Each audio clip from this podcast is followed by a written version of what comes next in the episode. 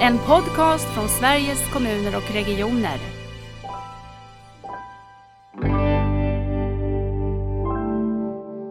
Ge med en fast vårdkontakt, det underlättar ju så mycket.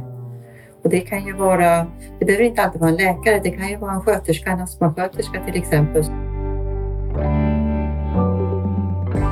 Alltså vården är ju byggd efter någon typ av 1800-talsmodell när det gäller militärsjukhus och vidare, liksom, och en hierarkisk modell. Men vi behöver idag stärka förutsättningarna för, för det lokala samhället och nära vården helt enkelt. Välkommen till det här avsnittet av Nära vårdpodden. Idag ska vi få träffa två ganska nyblivna ordförande för två viktiga patientorganisationer. Så välkommen till podden Anders Åkesson, du är ordförande för Riksförbundet Hjärt-Lung. Tack så mycket. Och välkommen Mikaela Odemyr som är ordförande för Astma och allergiförbundet. Tack så mycket. Hur färska känner ni er på era uppdrag? Mikaela, när började du? Jag blev vald i maj i år så att det, ja, det är väl ganska snart ett halvår som jag har suttit.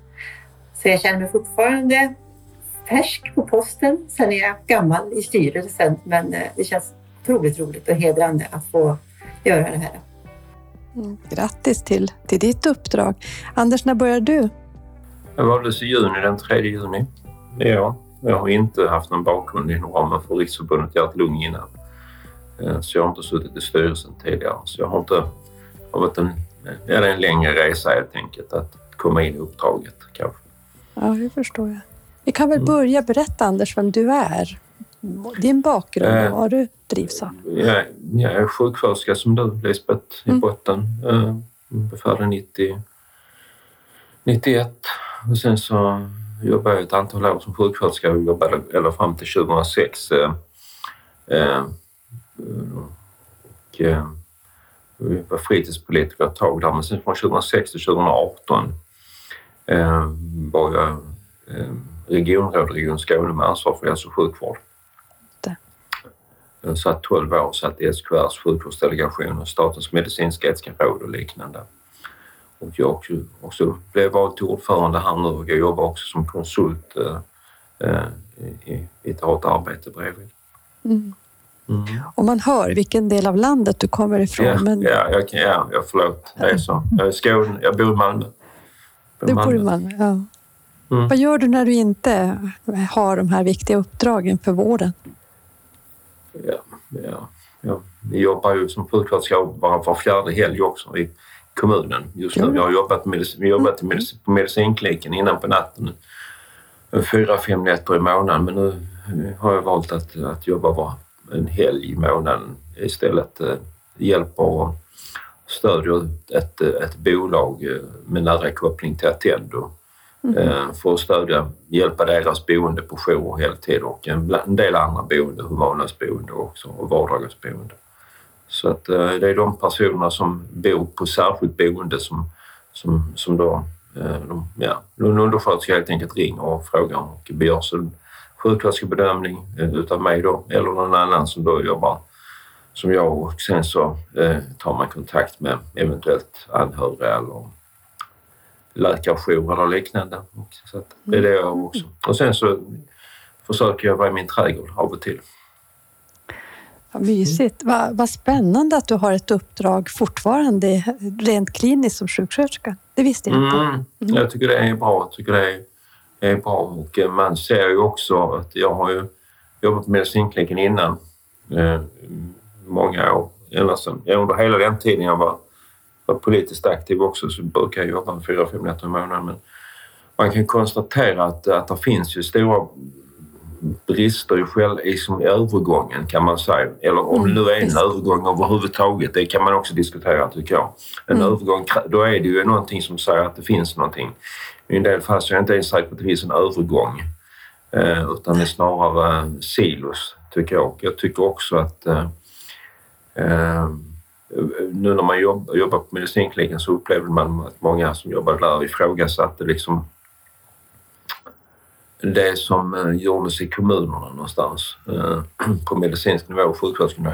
Och eh, jag kan konstatera att de gör nog så gott de kan men de har ju en bristande möjligheter också rent faktiskt med låg medicinsk kunskap måste jag säga. Eller, eller, inte, de som är, jobbar där är inte, har ingen låg medicinsk kunskap utan det är snarare mängden människor som, som har förutsättningar att arbeta. Eh, åtminstone på den, de som är utbildade eh, legitimerad personal vill jag säga att har, har ju inte låg utbildning men, men, men det finns ju en, man skulle kanske tänka sig att man hade en större mått av, av medicinsk kunskap även på de som jobbar eh, inom ramen för vårdbiträde eller undersköterska. Mm. Jag tror att mycket av det, det arbetet, det här, det, jag, jag tror att det är helt rätt. Den här eh, bestäm, lagstiftningen som kommer kring en skyddad eh, yrkestitel för undersköterska. Jag tror att det är jättebetydelsefullt, måste jag mm. säga. Jag tror det kommer att öka förutsättningarna för, eh, för att man känner ännu mer stolthet för arbetet och liknande. Men också att, det, att det ställer krav på arbetsgivaren någonstans. Mm. Men, men ett behov av att, att se de små kliniska tecknen tycker jag hade varit viktigt. Mm. Just det.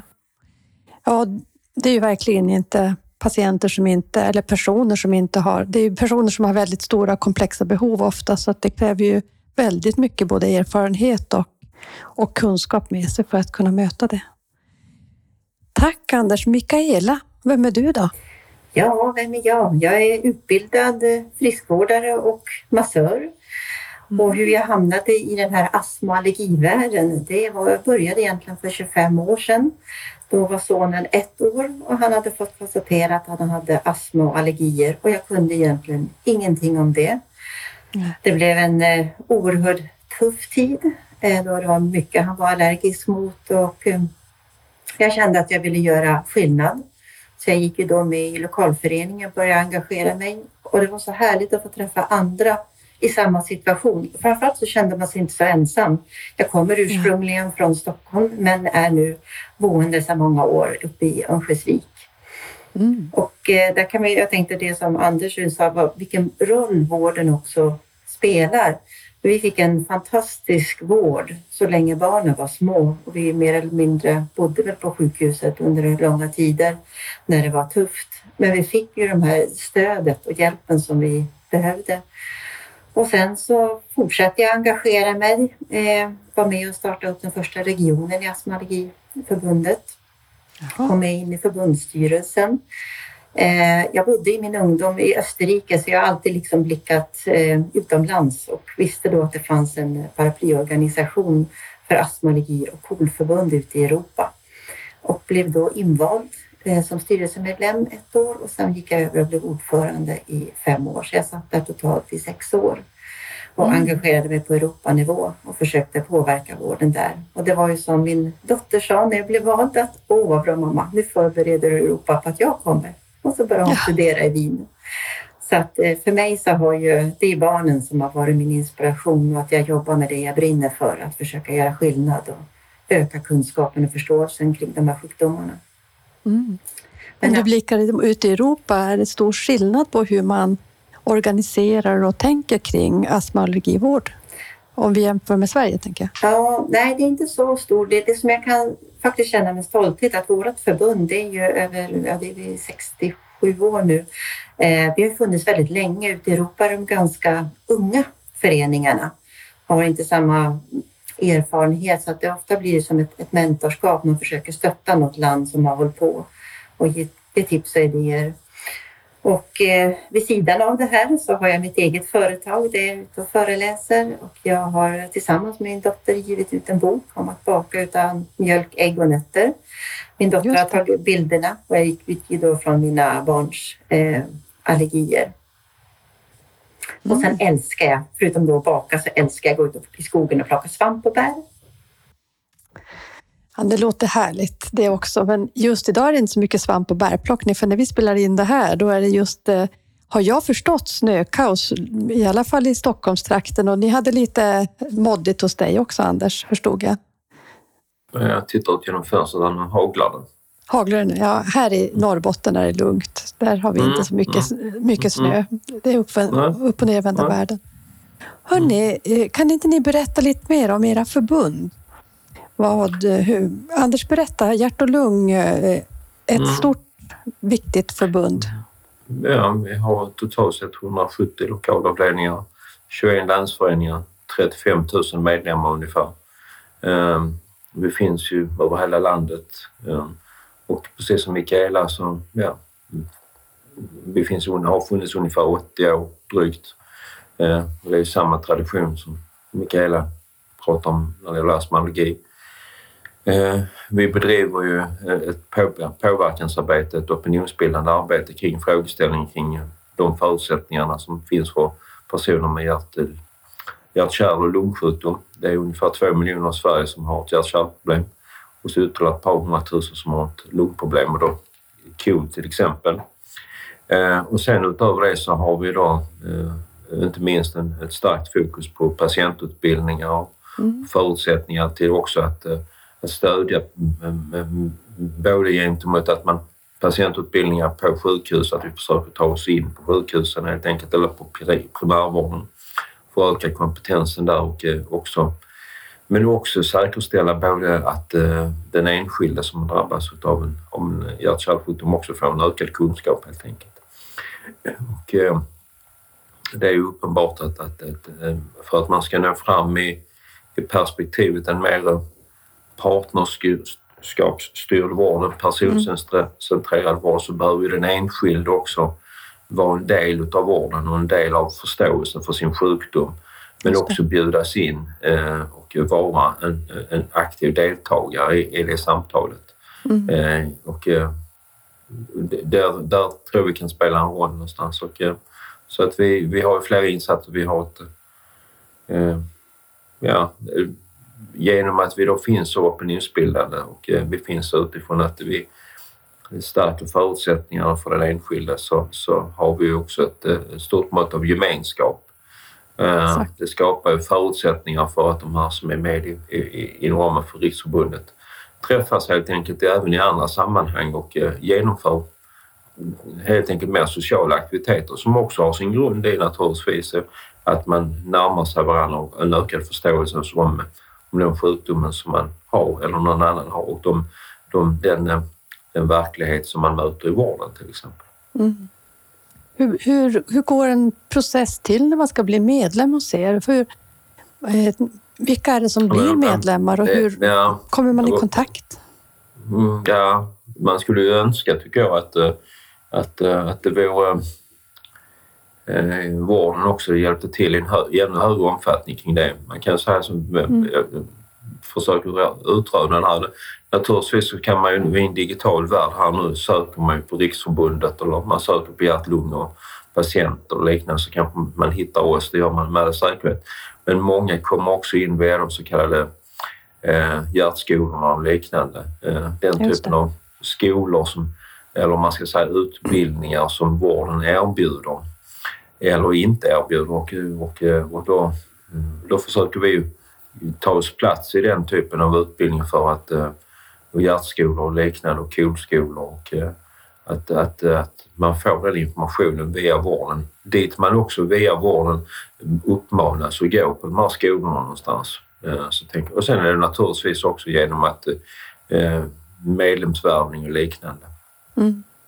Mm. Men eh, det finns ett stort behov helt enkelt och jag skulle nog säga att, att, att det finns en, en, en tydlig Eh, alltså det finns närmast en icke-förståelse eh, för patientrörelsens stora betydelse för, eh, för vården i sak kan man säga. För tittar man på det så genomför ju också vi då till exempel varmvattensträning och alltså bad och liknande, mm. där man tränar och liknande. Och det är ju någonting som naturligtvis upprätthåller och förstärker hälsan men mm. som inte värderas av vården när man pratar en ren hälsoekonomiska termer. Hade inte detta gjorts av, av oss så hade ju den enskilde blivit sämre helt enkelt. Mm. Och det, det, så att det, det, vi, vi gör ju stora insatser för att också säkerställa att man upprätthåller den, den livskvalitet och den hälsa man kan ha i en sjukdom, tycker jag. Och mm. just hälsobegreppet är ju viktigt i det perspektivet. Mm. Ja, du tar upp viktiga begrepp, både personcentreringen och begreppet hälsa. Låt oss komma tillbaka till det lite grann. Och Mikaela, berätta lite grann om Astma och allergiförbundet. Ja, alltså vi, det, om inte vi driver de här frågorna så är det ju ingen annan som, som, som driver dem. Eh, och precis som, med, som Anders sa, då, vi har ju både lokal och läns och sen har vi några länsföreningar som har bildat regioner. Eh, och vi har inte alls lika många medlemmar tyvärr som du Anders, även om allergi är vår största folksjukdom och tre miljoner är drabbade så önskar vi att man hade så många medlemmar. Men för oss är det ju viktiga att att öka kunskapen och förståelsen om astmaallergier, atopiskt eksem och annan överkänslighet. Eh, och det som var väldigt positivt nu här också innan valet, det var ju att regeringen tillkännagav att man eh, gav ett uppdrag till Socialstyrelsen och även till Livsmedelsverket just när det gäller allergi och det ena om säker mat och det andra om vården. För idag är det en väldigt ojämlik vård och det är någonting som både våra lokal och läns och regionsföreningar försöker påverka och sen jobbar vi på mycket lika, lika sätt som ni gör Anders, men, eh, men vi har ju ingen hjärtskola eller någonting. Vi har försökt ta fram eget material. Det är ofta barn som kanske drabbas av allergi, mm. så det är många. Vi har en annan målgrupp än, än vad ni har, även om självklart vi har äldre också. Mm. Men mm. Där gör jag våra läns och lokalföreningar ett fantastiskt arbete med att ordna träffar och läger, att man får träffa andra i annan situation, precis som när jag kom in. Eh, mm. och, men sen jobbar vi otroligt mycket med påverkansarbete och som jag sa då, det kanske finns det kanske finns 70 specialister inom allergivården idag i hela Sverige och så då 3 miljoner. Nu kanske inte alla de här behöver en specialistvård, men det, är väl, det, det, det märks att här måste man satsa. Det finns inga riktlinjer heller och vårt förbund, vi jobbar ju för att det ska bli ett svenskt allergiprogram, precis som man skapade i Finland också som där och hade väldigt god effekt. Eh, sen behöver vi inte kopiera, av det helt utan vi får liksom plocka russinen ur kakan och ta det bästa där. Men det är väldigt viktigt att vi skulle vilja ha en allergivård i världsklass och där måste, då måste man ju öka kunskapen och där spelar ju också primärvården en stor roll för mycket kan ju de hantera. Men de måste ju också få redskapen och kunskapen och veta hur de möter upp den här stora patientgruppen. Mm. Så att, eh, men det är ju påverkansarbete som är det det stora för att det stora. Nu, mm. nå ut. Jag tänker på, eh, du säger att det är mycket barn som det är kanske då man kommer i kontakt med allergier när man blir förälder och man får ett barn som, precis som du. Blir det, jag tycker du sa så intressant Anders, att det finns ju någonting som också handlar om gemenskapen i en sån här mm. organisation. Ni driver mm. påverkansarbete, ni har ett viktigt sånt politiskt perspektiv, men den här gemenskapen mm. av att att hämta kraft, inte bara från vården, mm. utan hämta kraft mm. i varandra. Mm. Eh, jag tänker, Mikaela, ser ni det också hos, hos era medlemmar? Ja, alltså, och, jag, och jag bara tänker på de här lägren som, som jag har deltagit på själv, att få träffa andra i, sitt, i samma sits och veta att man inte är ensam. För ibland så, kan, så kämpar man, man kämpar mot skola och förskola för att få det så bra som möjligt. Och det kan också vara inom familjen, om det är någon som inte har upplevt det så kan det vara så här, men vad konstigt, är, det, är den verkligen så allergisk? Det kan väl bara vara att ta bort det där. Mm. Um, så det, det, den här gemenskapen spelar en stor roll. Och även för mm. barnen till exempel. Vi hade ett skidläger och så var det flera som var astmatiker och då var det inget konstigt att liksom ta sin luftvidgande framför alla andra, då är, då är precis som alla andra. För de får i alla fall känna att de måste växa upp lite fortare för att veta, som i min sons fall, han visste att han kan inte ta vilken kaka som helst för det kan sluta med att vi hamnar på akuten. Och mm. andra barn då som inte har någon allergi, de behöver inte tänka på det. Så mm. Då är det viktigt att få stöd och redskap och där spelar ju vården en enorm roll och föreningarna också. Men precis som Anders sa tidigare, alltså vi är ju verkligen, det finns så mycket kunskap hos patientorganisationerna som jag hoppas verkligen att man tar tillvara på mm. ut i samhället. För jag tänker att mycket av den här omställningen av vårt hälso och sjukvårdssystem som pågår nu handlar om det ni tar upp. Det handlar om personcentreringen. Det handlar, du sa silos Anders och jag håller verkligen med. Det handlar ju om att samskapa också mellan olika organisatoriska delar men också med civilsamhället. Att också se kraften i era organisationer är ju otroligt viktiga. Jag har ju haft ganska mycket kontakt med, med, din organisation, Anders, när det gäller personcentrerad vård, för att det tog mycket flaggskepp. alltså tog, tog flaggan där och, och gick i bräschen för det. Jag tror att det är viktigt och det gör ju ni också, Mikaela, i, i era organisationer, att, att lyfta det personcentrerade perspektivet. Och där tror jag också vi behöver rustas också som eh, enskilda personer i att känna att jo, men det är inte mig det är fel på när jag tycker att det är obegripligt hur vården inte ser mig eller hur jag ska lotsa med det här systemet, utan att vi faktiskt har rätt att få tänka att jag får vara en partner i min egen vård, för det är min hälsa det handlar om. Och jag tror ju där att en patient som kan sin sjukdom och som har fått en patientutbildning har en behandlingsplan som är då trygg i den, den kommer ju inte belasta sjukvården på samma sätt som en som inte har de här redskapen. Och det kommer ju inte både i livskvalitet men även i ekonomi, både för samhället men också för den enskilde. Så att det är en stor win-win att man gör den här satsningen. Mm. Vad tänker du Anders kring eh, mer kring er roll och det här?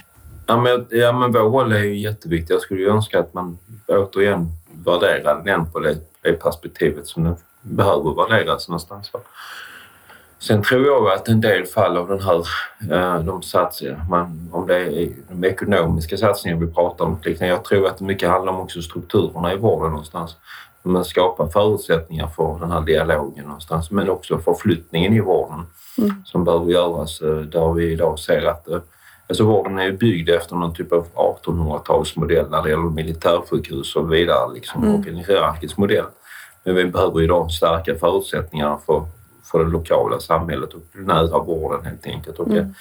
Eh, och där tror jag att, att patientföreningarnas närvaro i det lokala samhället är viktig för byggandet utan för det mer hur, hur, kan vi bygga här? Liksom. Just det. För det finns ju finns liksom inte en norm för hur landet exakt ska se ut någonstans utan det måste också byggas från varje, varje tillfälle någonstans. Och jag, där tror jag att civilsamhället i stort, måste jag säga, nu pratar vi patientorganisationer, men jag tror civilsamhällets roll eh, utifrån de villkor som finns i vissa bostadsområden och liknande för att skapa det här områdesansvaret och skapa förståelse mm. hur man bygger hälsa är viktigt.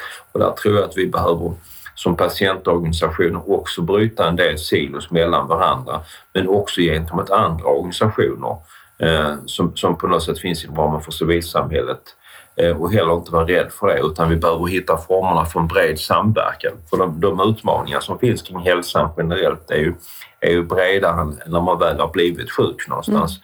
Vi vill ju gärna ha någon typ av primärpreventivt tänk i det här mm. också. Det, bara, det är ju betingat av den hälsa som betingas av många olika orsaker, tänker jag.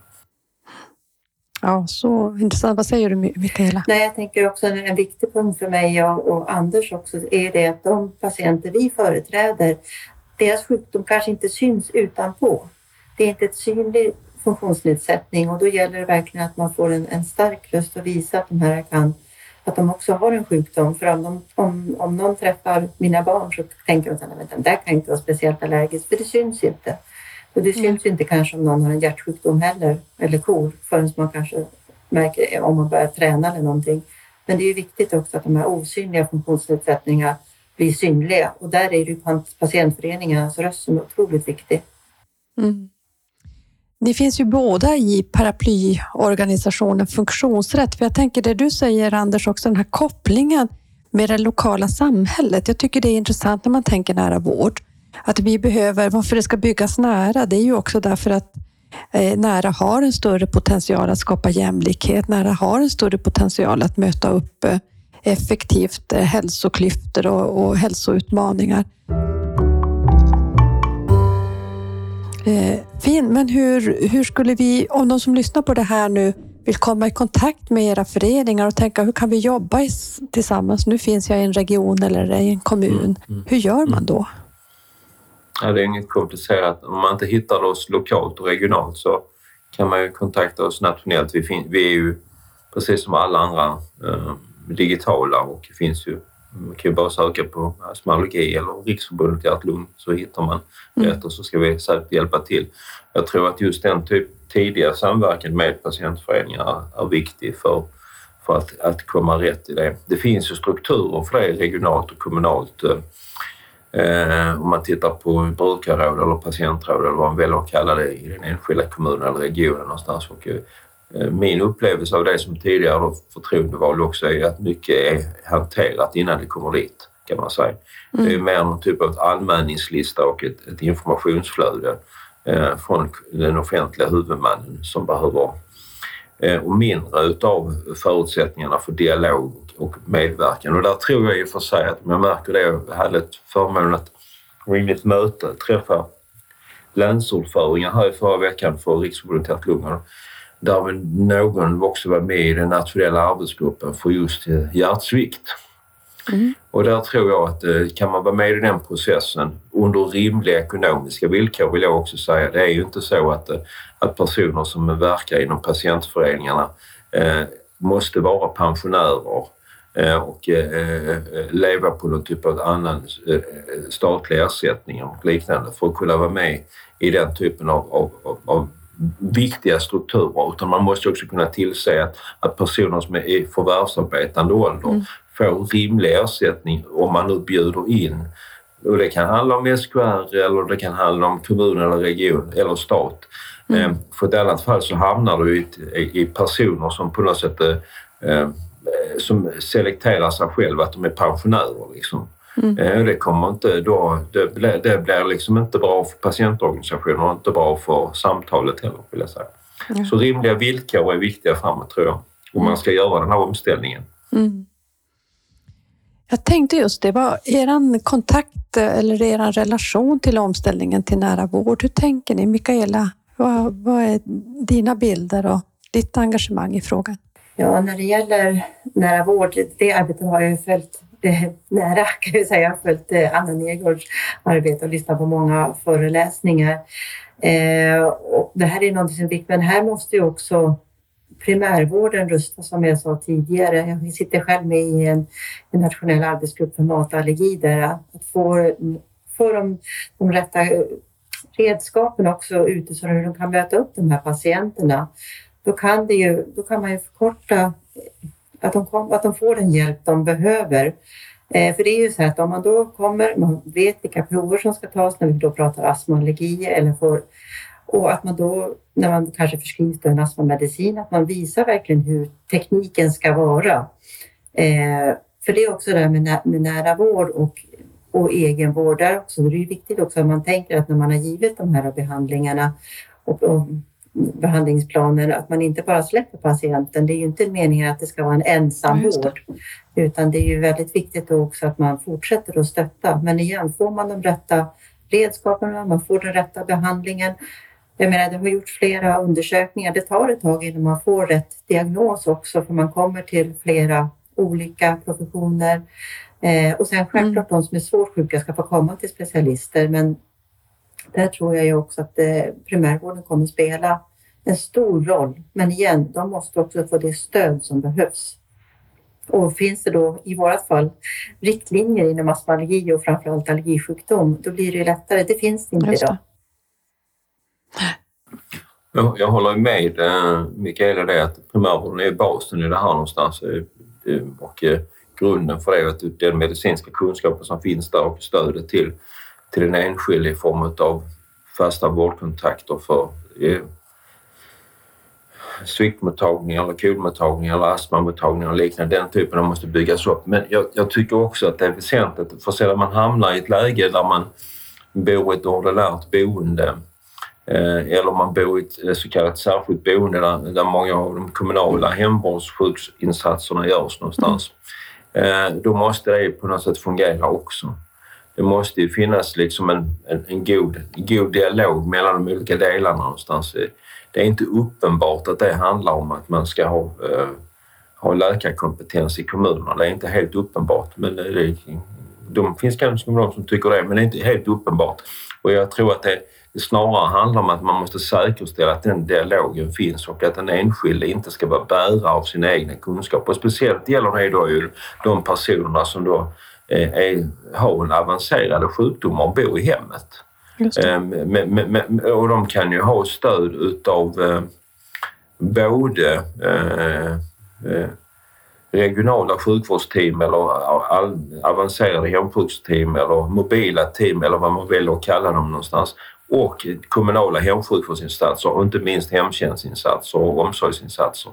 Och det tror jag är viktigt att komma ihåg att det, det får man inte glömmas bort. Och i det, i det sammanhanget tycker jag också att man ska säga någonting kring LSS mm. Eh, och de boenden som bor på LSS eller har personlig assistent och liknande.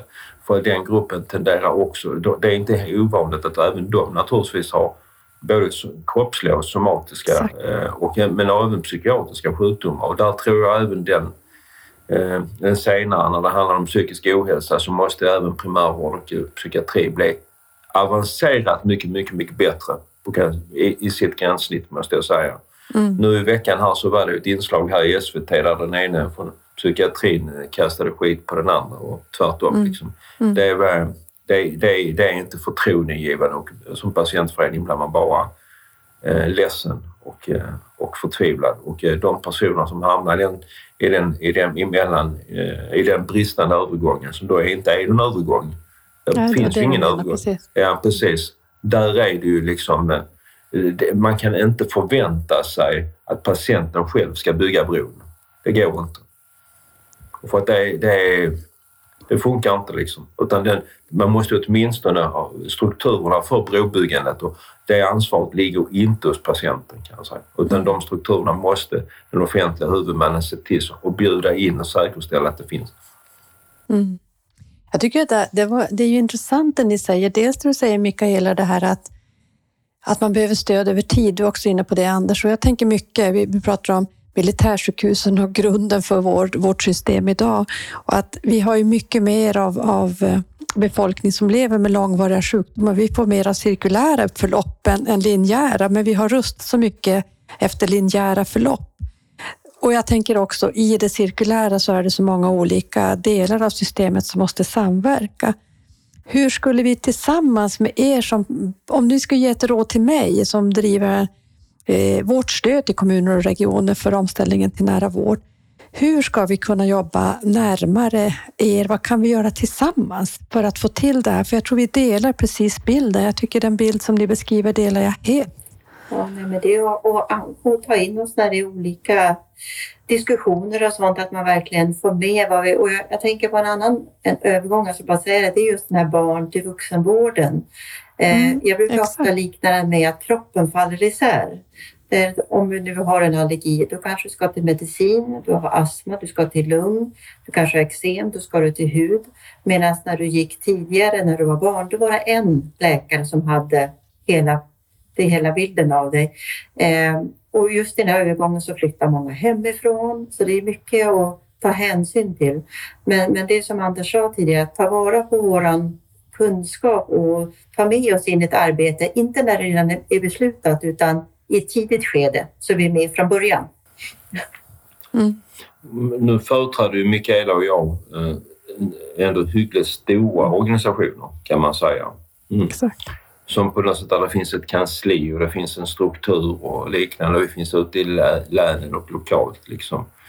Eh, med de utmaningar som vi har, vi är en ålderstigen eh, medlemmarna hos oss, de är många äldre och liknande. Men man kan konstatera att det finns så många små patientföreningar mm. som har ett stort behov och inte har den här strukturen med anställda och liknande som kan möta upp hela tiden. Och återigen då tror jag att det är viktigt att, att säkerställa att, att strukturerna för dialog måste också på något sätt inbegripa att, att det ges möjligheten till att, att vara mm. delaktiga och att det inte på något sätt och vis eh, är liksom så att man varken bjuds in sent men också att det finns rimliga villkor helt enkelt mm. för det. Och det. Nu är Mikaela en oerhört driven person eh, i sitt ordförandeskap och liknande och, och kanske når det någon gång. Va? Men, men man kan, kan säga att det, det ska inte behövas att man har lägger den tiden hela tiden utan det ska finnas rimliga villkor för att, att också möta upp det. Tänker jag. Mm. Ett arbete som eh, vi har arbetat med både från SKR och från staten och, och våra regioner framför allt, men också kommuner.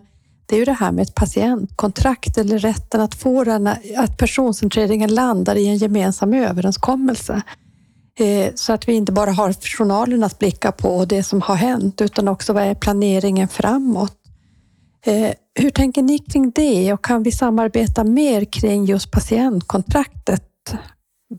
För här tror jag att vi måste driva på också som, som patienter eller närstående, alla är vi ju det någon gång, att faktiskt efterfråga det här eh, i våra mm. möten. Jag skulle vilja ha en, en gemensam planering över vad som vi har kommit överens om. Vad tänker mm. du Anders? Jag tror att det hade varit en väldigt bra... Eh, det blir ett tydligt ämne också. Mm. Eh, jag tror också med takt med att vi nu har flera regioner som står inför nya vårdinformationssystem. Just det. Eh, och där, där det måste blinka upp. Liksom. Det måste vara tydligt att här ska vi ha en dialog med den enskilde. Liksom. Så att det blir liksom en del av ett system.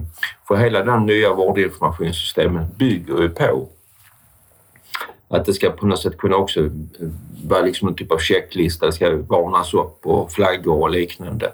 Mm. Och där tror jag att eh, det är det centralt att, att det också är en del av det. Och patientkontrakten kan ju faktiskt lyfta den personcentrerade vården till en annan dimension och faktiskt att det blir på allvar.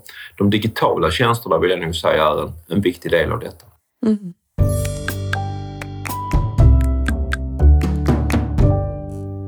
När det gäller nära vård, vad skulle ni säga är viktigt för era medlemmar? Ja, för oss är det ju jätteviktigt då att, eh, att man får den vård man behöver på nära håll. Den är jämlik. Eh, det, så ser det ju inte idag ut. Eh, och att eh, man får både den här patientutbildningen, att dit man kommer, de kan sin sak Eh, och att man inte bollas runt i systemet. Och det som Anders sa tidigare med en fast vårdkontakt, det underlättar ju så mycket. Och det kan ju vara, det behöver inte alltid vara en läkare, det kan ju vara en sköterska, en astmasköterska till exempel som också har kunskaper eller en dietist beroende på vilken. Eh, men bara att det finns nära. Mm. Nära dig där du bor. Mm.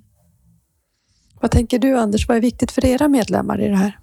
Mm Nej, men det är ju byggandet av, av en samverkan och en förståelse för, för att den som är sjuk är den som behöver bli en partner i vården och, och att man liksom en, inte ska klä eh, den enskilde patienten med, med fina attiraljer som man ser ut som en julgran liksom, utan faktiskt är, är med i dialogen. Jag tror också att man försöker lyfta den här diskussionen, tror jag att, eh, för det blir lätt att vi också som patientorganisationen nämner personcentrerad vård och liknande och att det är, är, är, liksom, det är det vi vill ha och det, så är det ju, partnerskapet. Mm. Men för att nå dit så måste vi också ta ställning i frågor kring ersättningsmodeller och liknande.